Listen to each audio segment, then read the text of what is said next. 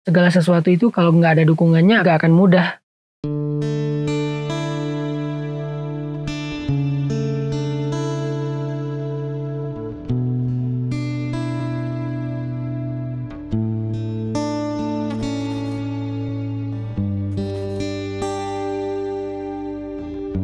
Teman-teman, semua kita membutuhkan dukungan dalam hidup biar semuanya bisa berjalan dengan mudah dan lancar. Uh, ini adalah sunatullah bahwa kita itu sangat membutuhkan dukungan untuk segala macam bentuk kemudahan. Tapi tahukah kita bahwa ternyata dukungan-dukungan yang ada di sekitar kita dari orang yang kita sayangi, keluarga kita, sahabat kita, teman-teman kita itu semuanya bersifat relatif. Arti relatif, kadang dia bisa mendukung kita, kadang enggak. Kadang dia bisa memudahkan kita, kadang justru jadi beban. Kadang dia uh, menjadi kebaikan untuk kita kadang juga menjadi sebuah ujian. Karena gak ada satupun di dunia ini kecuali re, relatif kulluman alaiha fan.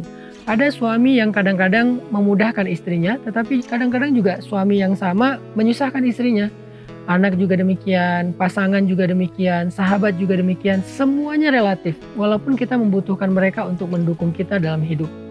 Ada satu dukungan yang luar biasa yang sifatnya bukan relatif tetapi sifatnya absolut Tahu nggak dukungan dari siapa?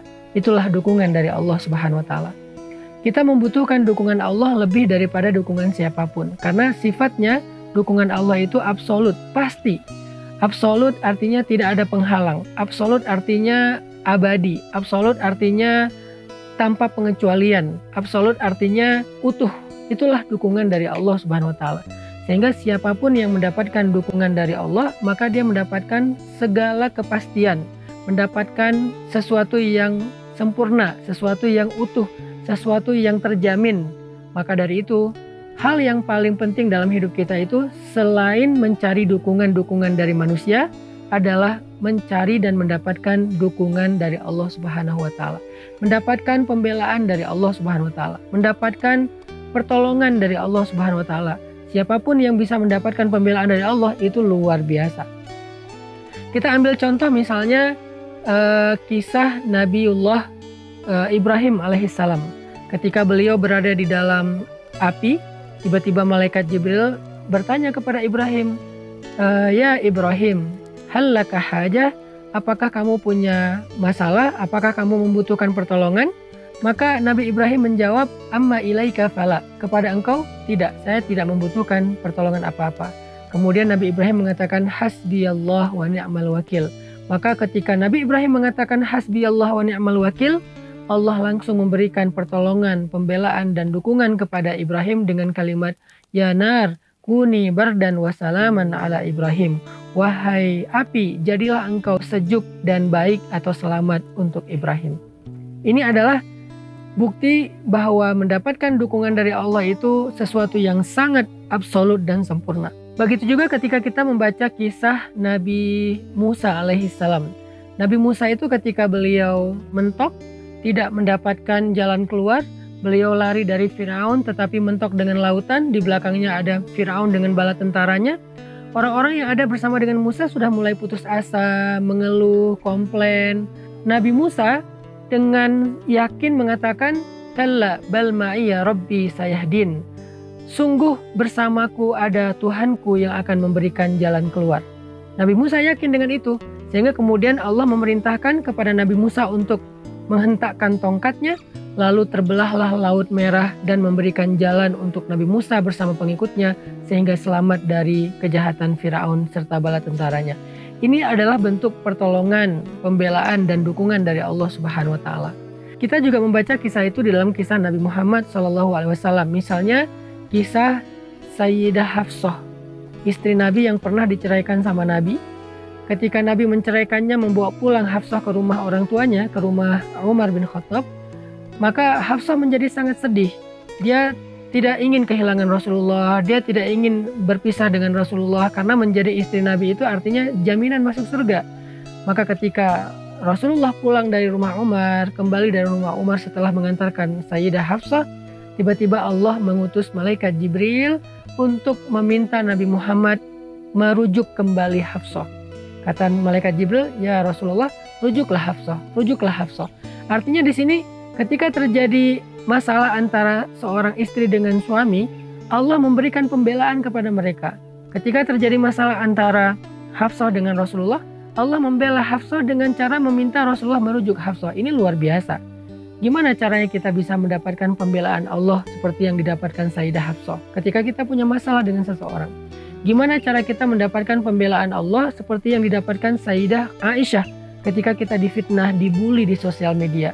Gimana caranya kita mendapatkan pembelaan Allah seperti yang didapatkan oleh Sayyidah Maryam ketika kita difitnah? Bagaimana cara kita mendapatkan pertolongan dan pembelaan Allah sehingga dikasih jalan keluar ketika hidup kita mentok seperti yang didapatkan Nabi Musa? Bagaimana cara kita mendapatkan pertolongan dan pembelaan Allah ketika kita dalam sebuah ancaman yang luar biasa seperti yang didapatkan Nabiullah Ibrahim alaihissalam. Semua ini adalah hal yang mutlak kita butuhkan dalam kehidupan kita teman-teman. Nah untuk itu saya pengen ngajak teman-teman belajar gimana cara dapetin dukungan Allah. Gimana cara dapetin pembelaan Allah. Gimana cara dapetin pertolongan dari Allah dalam setiap kebutuhan hidup kita mulai dari masalah yang paling kecil sampai masalah yang paling besar. Tahu nggak gimana cara dapetin pembelaan, dukungan, dan pertolongan Allah? Caranya sederhana, libatin Allah dalam segala urusan kita. Libatin Allah dalam masalah keluarga kita. Libatin Allah dalam masalah pekerjaan kita. Libatin Allah dalam masalah karir kita. Libatin Allah ketika kita sedang uh, membuat sebuah proyek. Libatin Allah ketika kita sedang menghadapi satu ujian Libatin Allah ketika kita sedang berobat, terapi. Libatin Allah ketika kita sedang presentasi. Libatin Allah ketika kita sedang uh, membuat sebuah tulisan atau membuat sebuah skripsi. Libatin Allah dalam segala urusan kita. Bahkan sampai ketika kita main, ketika kita jalan, ketika kita having fun, ketika kita safar, ketika kita melakukan trip. Libatin Allah dalam segala urusan kita, maka segalanya akan mudah karena dukungan Allah itu adalah yang terbaik. Allah menceritakan kisah dakwah Nabi yang sangat banyak ujiannya, diperangi, dimusuhi, dihalang-halangi, disakiti, difitnah dan berbagai macam musibah dan ujian lainnya sehingga Nabi sangat membutuhkan dukungan dari orang-orang yang ada di sekitar beliau, dari circle terdekat beliau, butuh dukungan dari keluarga, butuh dukungan dari sahabat, sehingga Nabi meminta para sahabat untuk membela beliau, mendukung beliau, membantu beliau dalam dakwah, karena dakwah ini harus dikerjakan bersama-sama. Nah, ketika ada orang-orang Quraisy yang tidak mau men, me, mendukung Nabi, tidak mau menolong Nabi, Allah Subhanahu wa taala menyindir mereka dengan kalimat illa tansuruh faqad nasarahullah.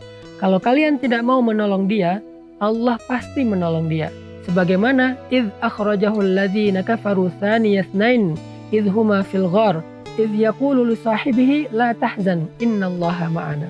Ketika orang-orang kafir mengusir mereka dari kampung halamannya, lalu mereka bersembunyi di dalam gua, maka dia berkata kepada sahabatnya yaitu Abu Bakar, La tahzan, jangan khawatir Abu Bakar, innallaha ma'ana, Allah bersama dengan kita.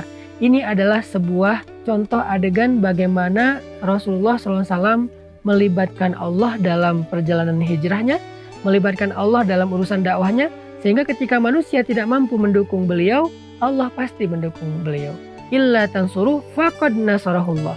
Kalau kalian nggak menolong dia, maka Allah pasti menolongnya. Bisa nggak kita dapetin ayat ini dalam hidup kita?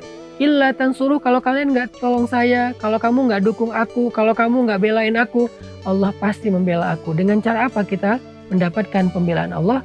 Caranya libatin Allah dalam segala urusan kita. Maka ke depan, apa pun yang kita bahas dalam program Libatin Allah itu saya pengen ngajak teman-teman belajar bagaimana melibatkan Allah dalam kasus-kasus yang kita hadapi dalam hidup. Misalnya kita kayak lagi patah hati. Bagaimana cara kita libatin Allah dalam keadaan kita sedang patah hati? Misalnya kita lagi pesimis, lagi kayak putus asa, mulai agak-agak apatis misalnya. Gimana cara kita libatin Allah supaya mental kita kuat lagi? Ketika kita dalam pekerjaan, gimana kita libatin Allah supaya pekerjaan kita itu selalu disupport, didukung sama Allah dari awal sampai akhir. Nah, kita akan bahas itu dalam program Libatin Allah. Dalam setiap episodenya saya akan angkat satu kasus, lalu kasus itu kita coba bedah dari angle gimana cara agar kita bisa uh, sukses menghadapi kasus itu, agar kita bisa sukses menjalani satu adegan dalam hidup kita dengan life hacks libatin Allah.